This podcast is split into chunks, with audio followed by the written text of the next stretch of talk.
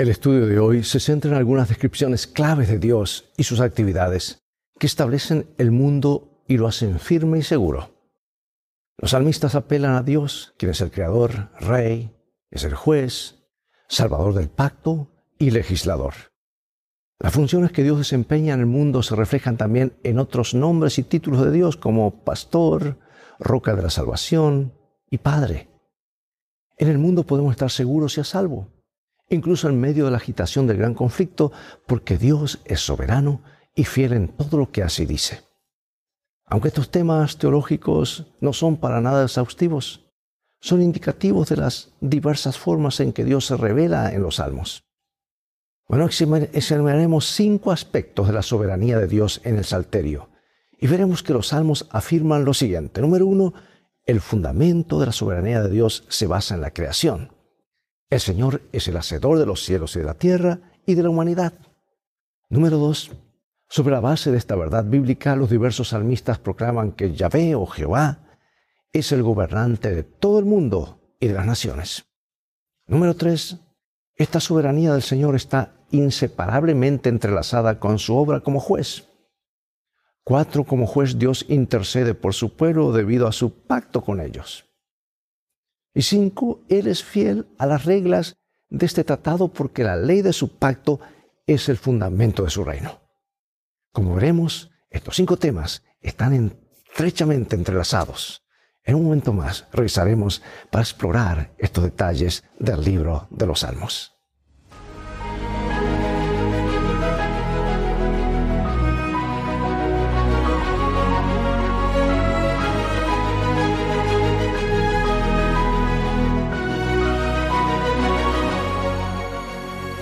Este es nuestro versículo central, Salmo 93, que nos dice, el Señor reina, se vistió de majestad, el Señor se vistió, se ciñó de fortaleza, afirmó el mundo y no se moverá.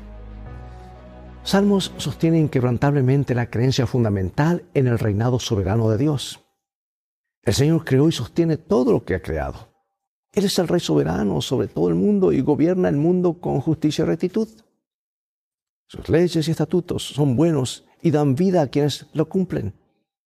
El Señor es el juez justo que se asegura de que el mundo permanezca bien ordenado y, y lo hace recompensando a los justos y castigando a los impíos, pero según sus tiempos, no los nuestros. Ahora el pacto de Dios con Israel desempeña un papel especial en la redención del mundo porque anuncia la salvación del Señor. El Señor adoptó a Israel como su preciada posesión de entre todas las naciones hizo de Israel su pueblo. El Señor es fiel a su alianza y sigue cuidando a su rebaño a pesar de su infidelidad y, a veces de su abierta rebelión. Así el gobierno soberano del Señor hace que el mundo esté firmemente establecido y seguro. Los salmistas quieren que el lector comprenda esta verdad fundamental. Y con esta visión del mundo como faro, los salmistas buscan prosperar y servir a Dios con devoción absoluta. Pero los salmos además aseguran que Dios nos hizo, no evolucionamos, como afirma eh, Salmos 8 y 100. Dice, cuando veo los cielos, obra de tus dedos, la luna y las estrellas que tú formaste, digo, ¿qué es el hombre para que tengas de memoria y el Hijo del Hombre para que lo visites? Le has hecho poco menor que los ángeles y le coronaste de gloria y de honra. Reconoced que Jehová es Dios. Él nos hizo y no nosotros a nosotros mismos. Pueblo suyo somos y oveja de su prado. ¿Notaste cómo se describe a Dios y a las personas en estos salmos? Él nos hizo, no creamos, no, no vinimos de la evolución. ¿Qué revela además esto acerca del carácter de Dios? Es que la creación, amado, desempeña un papel crucial en los salmos, porque defiende la soberanía de Dios. Dice, los cielos son obra de sus manos proclaman su gloria y poder. El nombre de Dios es majestuoso en toda la tierra. El Señor lo ha creado todo, no, no tiene principio ni fin. Él es eterno y superior a los dioses de las naciones, que son solo, pues, obra de manos de hombres, nada más. Por ejemplo, dice que los ídolos no tienen manos, pero eh, tampoco palpan, mientras que en su mano, la mano del Señor, están las profundidades de la tierra y sus manos formaron la tierra firme. Sabes que varios salmos describen el poder de Dios sobre la, fuerza de la naturaleza que, otras naciones consideraban eh, divinas. Estos salmos reafirman la aseveración de que el Señor reina sobre toda la creación y es supremo en poder y dignidad. Salmo 100 ataca una forma, de una forma sutil la idolatría, la autosuficiencia, subrayando que Dios nos hizo y no nosotros, a nosotros mismos. La creación, además, amados, da testimonio del amor de Dios. Todo lo que existe debe su existencia a Dios, quien también sustenta la vida. Ahora notemos que Dios no solamente otorgó la existencia a la humanidad, sino que hizo del antiguo Israel pueblo suyo, oveja de su prado. La noción de que son pueblo suyo y oveja de su prado revela el deseo de Dios de mantener una estrecha relación con su pueblo. Porque únicamente el Creador tiene el poder de bendecir y hacer crecer a su pueblo y por tanto es el único digno de su adoración y confianza. Y numerosos salmos llaman a todo lo que respira, a toda la tierra, el mar y todo lo que hay en ella, a gritar de alegría ante el Señor. La gloria de Dios se ve en la creación, incluso en la creación terrenal caída, y Salmos nos enseña que únicamente Dios es digno de adoración, porque Él es el creador. ¿Qué es el hombre para que te acuerdes de Él? Y el Hijo del Hombre para que lo, lo tomes en cuenta. Yo pregunto, hermano y hermana, amigo y amiga, ¿cuál es tu respuesta a Dios como tu creador? Eso cambia totalmente la perspectiva de la vida. Cuando Dios llama a las estrellas por su nombre, ¿cuánto más crees que Dios se preocupa por ti? Es un Dios personal. Pero estrechamente ligado, mejor dicho, inseparablemente ligado al Señor como creador, está el Señor como soberano, como gobernante. Él reina, dice. La declaración El Señor reina se proclama solemnemente como un eco que se escucha en todo el libro de Salmos. El Señor está revestido de honor, majestad y fuerza. Está rodeado de nubes y tinieblas, pero también se cubre de luz como de un vestido. Estas metáforas exaltan el poder y el esplendor del Rey y fueron cuidadosamente escogidas para expresar la grandeza única de Dios que está más allá de la comprensión humana. Salmo 97 nos dice lo siguiente. Jehová reina Regocíjese la tierra, alégrense las muchas costas, nubes y oscuridad alrededor de él. Justicia y juicio son el cimiento de su trono. Fuego irá delante de él y abrazará a sus enemigos alrededor. Sus relámpagos alumbraron el mundo, la tierra vio y se estremeció.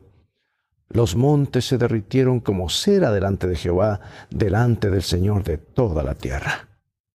Eh, el reinado del Señor se demuestra en sus obras de creación, de salvación y de juicio. Porque el Señor establece su reinado sobre todo el mundo. El reino de Dios es un reino eterno, sin parangón en poder y majestad. El reino del Señor se basa en la misericordia, la justicia y la rectitud y aporta orden y estabilidad al mundo creado. El reino de Dios une a los adoradores celestiales y a los terrenales en alabanza a Dios. Es cuando la familia de la tierra se une con la familia del cielo. Y muchos salmos visualizan que toda la humanidad reconoce el gobierno soberano de Dios. Pero no todos lo hacen, ni, siquiera a veces los gobernantes terrenales, al menos por ahora. Pero llegará un momento que todos confesarán que eres Dios, el Creador, el único que merece adoración. Yo sé que el reinado del Señor es desafiado constantemente por los impíos que niegan al Señor se burlan de él y oprimen a su pueblo, pero aunque lo hagan, Dios sigue existiendo y sigue siendo soberano. Nada hace la diferencia, la diferencia está en sus propias vidas y cosecharán algo terrible. Aunque se, debe, ve desafiado por la prosperidad de algunos impíos y turbados por la indulgencia de Dios, el salmista confía en el gobierno soberano de Dios y continúa deleitándose en la seguridad de los justos juicios de Dios. A su tiempo, Dios actuará. Y por la fe el pueblo de Dios se regocija en el establecimiento del reino de Dios mediante el ministerio redentor de Cristo y espera la consumación del reino en la segunda venida de Cristo. Los que aman al Señor, dice, aborrezcan el mal, dice Salmo 97.10. ¿Por qué, pregunto, nuestro amor a Dios debe hacernos odiar el mal? Repito, los que aman al Señor aborrecen el mal. Porque son dos cosas totalmente opuestas. Amar al Señor es obedecerle. Si me amáis, guardad mis mandamientos. Bueno, vamos al Salmo 75. Dice el Salmo 75, porque ni de oriente, ni de occidente, ni del desierto viene el enaltecimiento, mas Dios es el juez, a este humilla y a aquel enaltece. Como rey soberano, el Señor es también legislador y juez. Los impíos amenazan constantemente el orden justo que Dios estableció en el mundo, pero el Señor juzgará al mundo y pondrá fin al dominio del mal. Y el Salmo 75 en varias imágenes describe la destrucción irrevocable de los impíos. Va a ocurrir, Dios lo dijo y Él siempre dice la verdad. Y, la imagen de una copa con vino tinto transmite la intensidad de la furia de Dios. El corte de los cuernos de los impíos representa el fin de su poder y dominio, mientras el poder de los justos será exaltado. Amados, Dios tiene un tiempo designado para su juicio. Y este juicio ejecutivo claramente tendrá lugar al final de los tiempos. La profecía lo indicaba y estamos viviendo esos días. Y el Señor sondea el corazón de las personas como parte de su juicio. Leo en Salmo 14 y en Génesis 6. Nos dice así. Jehová miró desde los cielos sobre los hijos de los hombres para ver si había algún entendido y que buscara a Dios. Y vio Jehová que la maldad de los hombres era mucha en la tierra y que todo designio de los pensamientos del corazón de ellos era de continuo solamente el mal. Y se arrepintió Jehová de haber hecho al hombre en la tierra y le dolió su corazón. Bueno, aquí tenemos ambos textos que muestran que el examen que Dios hace de la vida de las personas y, la búsqueda para, que realiza para ver a quiénes puede salvar. Preceden, pues esto, esta búsqueda precede a la ejecución del juicio de Dios sobre el mundo. En otras palabras, Dios da oportunidad tras oportunidad tras oportunidad. Este juicio se denomina juicio investigador cuando Dios defiende a los justos y decide el destino de los impíos. Todos seremos juzgados, cristianos y no cristianos, porque hay una concesión pendiente. Somos pecadores, merecemos la muerte, y Dios hace juicio para declararnos libres de culpa y herederos del reino de los cielos. Ahora, ¿cómo funciona? En primer lugar, Dios libera a su pueblo de los impíos y corona a los humildes con la salvación. Y en segundo lugar, los impíos que no se arrepienten son destruidos para siempre. Así es, dos caminos, dos destinos. Y algunos salmos describen poéticamente la inutilidad de las armas humanas contra el juez divino. El Señor es también un Dios que perdona, aunque castiga las maldades de la gente. El pueblo de Dios, no solo los impíos, darán cuenta a Dios. Salmos transmite la misma noción que se expresa en otros textos bíblicos de que el juicio de Dios comienza con el pueblo de Dios y se extiende a toda la tierra. Ahora, ¿por qué el pueblo de Dios? porque ellos han decidido ya el camino a la vida y con nosotros tiene paciencia, todavía Dios dándole una oportunidad más para que se arrepientan y formen parte del grupo, aquel grupo que sí se pone eh, bajo la protección de Dios. Y el salmista clama a Dios para que lo juzgue, pero confía en la justicia de Dios para que lo defienda.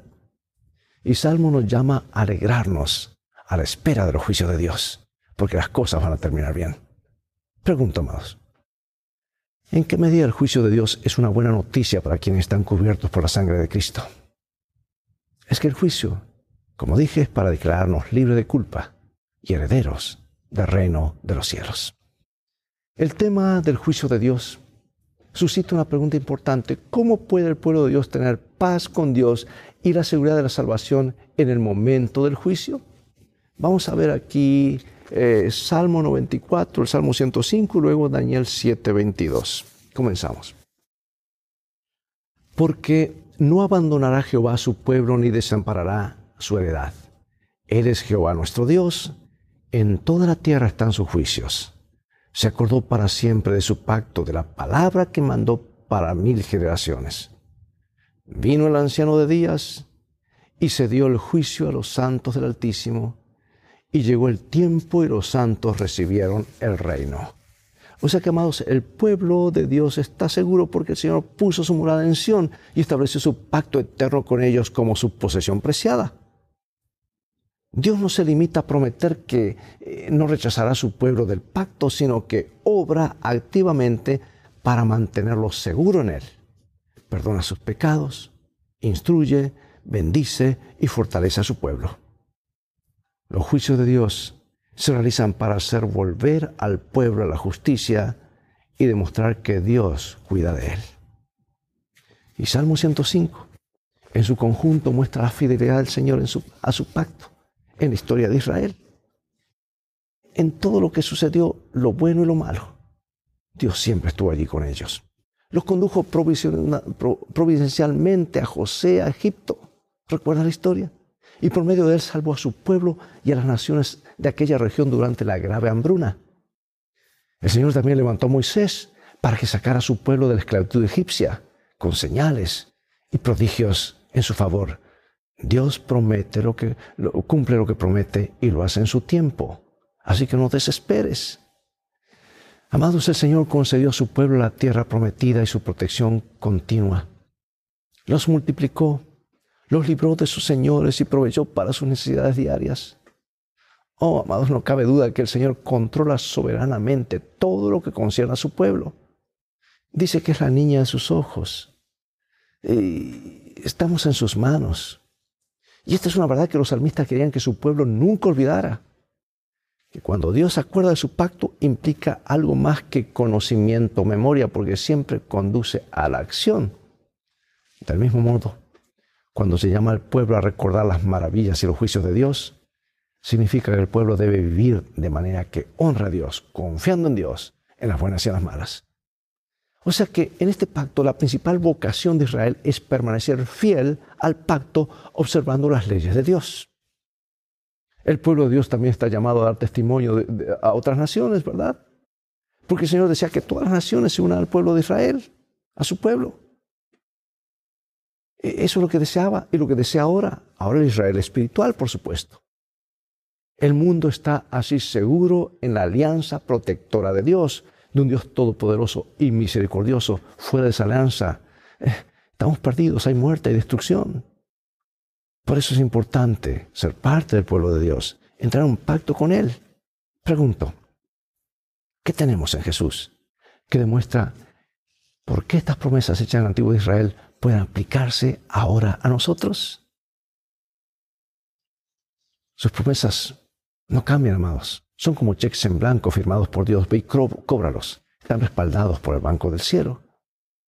Las promesas del pacto son para nosotros. Y eso hace la diferencia. Sus testimonios, dice, son firmes. Leamos Salmo 19, Salmo 93 y 119. Dice así. La ley de Jehová es perfecta que convierte el alma. El testimonio de Jehová es fiel que hace sabio al sencillo. Tus testimonios son muy firmes por los siglos y para siempre. Salmo 119. Mucha paz tienen los que aman tu ley y no hay para ellos tropiezo. ¿Captas tú el hilo conductor de todos ellos? La supremacía del, del Señor en el mundo como creador, rey y juez soberano tiene implicaciones teológicas para la fiabilidad de sus testimonios. Las leyes de Dios son inmutables, son indestructibles, son un reflejo del carácter de Dios. Y Dios garantiza la integridad de sus promesas y mandatos. Por eso la fidelidad de Dios es a la vez totalmente tranquilizadora. Al garantizar el carácter inmutable de su gobierno, Dios no cambia y totalmente, pues, es particular, exigente al pedir que su pueblo dé una respuesta de confianza y obediencia a este Dios que establece un pacto con ellos.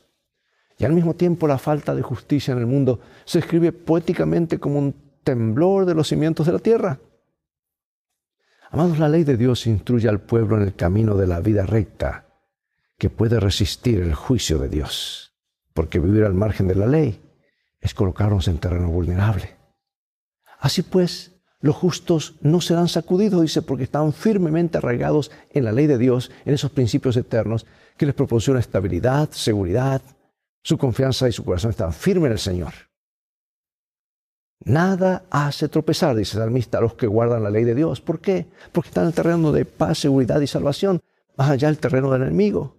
Indica protección, conducción de Dios en la vida. La palabra de Dios se representa como la lámpara para guiar los pies del salmista y así lo protege de las trampas ocultas del enemigo. La gran paz de la que gozan los que aman la ley de Dios obviamente no es el resultado de una ausencia total de prueba, las pruebas seguirán, más bien deriva de permanecer en la presencia de Dios y tener una relación sana con Él, porque puede tornar a unos peores problemas en las mayores bendiciones. Pregunto, ¿de qué manera práctica te ha ayudado en tu vida a guardar esas leyes, los estatutos y los testimonios de Dios? Por otro lado, ¿has sufrido por violarlos o por apartarte de estas leyes? Piensa en esto. Tú ya sabes la respuesta, yo sé la respuesta. Pero bueno, mientras seguimos estudiando los salmos, es importante recordar que debemos leerlos a la luz del carácter de amor y gracia de Dios y de su plan para salvar y restaurar el mundo. Dice este hermoso librito El Camino a Cristo, el libro más leído y más traducido después de la Biblia, cuanto más estudiamos el carácter divino a la luz de la cruz, más vemos la misericordia, la ternura y el perdón unidos a la equidad y la justicia. Y más claramente discernimos las innumerables pruebas de un amor que es infinito y de una tierna piedad mucho mayor que la anhelante compasión de una madre por su hijo descarriado. Tremendas palabras, llamados en el Salmos, incluso cuando el pueblo se enfrenta al juicio de Dios por su rebelión, sigue invocando a Dios, porque sabe que la ira de Dios es solo por un tiempo, pero que su misericordia es eterna. ¿Tienes tú esta seguridad? La ira de Dios es por un tiempo, pero su misericordia es eterna. Pronto se cerrará este paréntesis. En el mundo podemos estar seguros y a salvo, incluso en medio de la agitación del gran conflicto. ¿Por qué? Porque Dios es soberano y fiel a lo que hace y dice. Yo sé que aunque estos temas teológicos no son para nada exhaustivos, eh, son indicativos de las diversas formas en que Dios se revela en los salmos.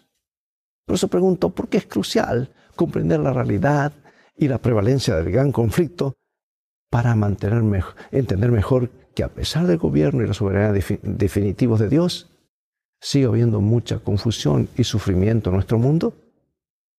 Vamos al terreno del enemigo, pero está vencido pero estamos bajo el amparo y la protección de, Dios. Y en este conflicto saldremos victoriosos. ¿Por qué la temática del gran conflicto es tan útil? La creencia en Dios como creador, ¿cómo debería conformar nuestro autoconocimiento y nuestra relación con el resto de la creación?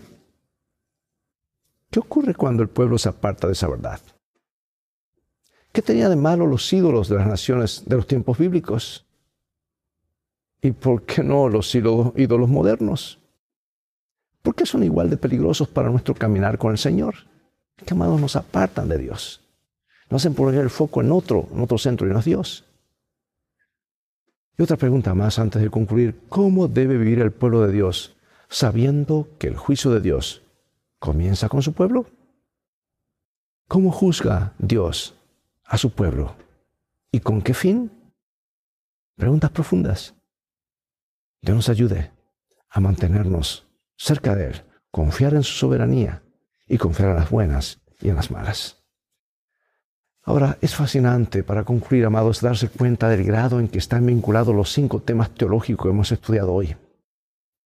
Esta serie temática comienza y se basa en la afirmación de Dios como creador. ¿Sabes que al negar esta verdad básica es rechazar el derecho de Dios como gobernante de este mundo y juez soberano de todo ser humano? Por lo tanto, si Dios no fuera el juez de todos, entonces cualquiera podría hacer lo que mejor le pareciera. No habría ninguna ley eterna que obedecer. Y este es el negocio en el cual el diablo está, eliminar las leyes para que cada uno siga su camino. Y el camino del ser humano pecador conduce a la muerte eterna. No habría absolutos. Es triste decirlo, pero esta filosofía nos inunda todos los días, amados. Incluso algunos cristianos están cayendo presa de su pernicioso sofisma. Por esta razón, nuestra lección de hoy es muy importante para nuestras familias, nuestros jóvenes y los miembros jóvenes, eh, pues los miembros de nuestra iglesia, desde niños hasta los más adultos. Reconocer al Señor como nuestro Hacedor nos llevará a aceptar su señorío en nuestras vidas y su derecho a guiarnos y reprendernos cuando sea necesario, ¿verdad? Después de todo, Él es nuestro juez. Nuestro Creador quiere tener una relación de pacto, de amor con nosotros. Y la Biblia nos promete que obedecerlo y caminar con Él será una experiencia dulce y reconfortante. Y un detalle que abordaremos a la ligera en esta que abordamos a la ligera en esta lección, pero que eh, no exploramos en profundidad, es el de cultivar una actitud de alabanza y regocijo a pesar de todo. Debemos aspirar a la misma vida espiritual del salmista. Oh, venid, cantemos al Señor, gritemos con alegría a la roca de nuestra salvación. Lleguemos ante su presencia con acción de gracias. Gritémosle gozosamente con salmos o alabémonos con salmos, porque el Señor es el gran Dios y el gran Rey sobre todos los dioses. Más que competiciones y quejas, debemos llenar de alabanza nuestras oraciones a nuestro Rey y Juez. Además, nuestro trabajo diario será más fácil de soportar y nuestra vida devocional será más feliz cuando estemos en una relación de pacto con el Dios de los cielos. Oremos. Padre Celestial, te llamamos Padre, porque oh Dios eres nuestro Creador, Redentor, Sustentador. Tú amaste tanto al mundo, el Hijo amó tanto al mundo que el cielo dio lo mejor que tenía para que un día podamos tenerlo todo. Te reconocemos como nuestro Creador. Te reconocemos como el juez, como nuestro abogado, como nuestro amigo, como nuestro redentor, nuestro rey próximo a venir. Pero en este momento te reconocemos como nuestro intercesor, oh Jesús, que estás intercediendo por nosotros. Bendícenos. Queremos establecer claramente nuestra confianza en ti en las buenas y en las malas.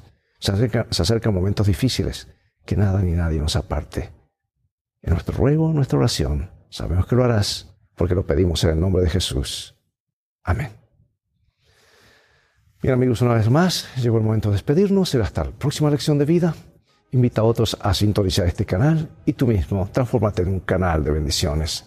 Mientras tanto, Dios te bendiga y te guarde. Y recuerda, tú vales mucho para Jesús. Él te ama más de lo que puedes imaginar. Y vamos a un viaje.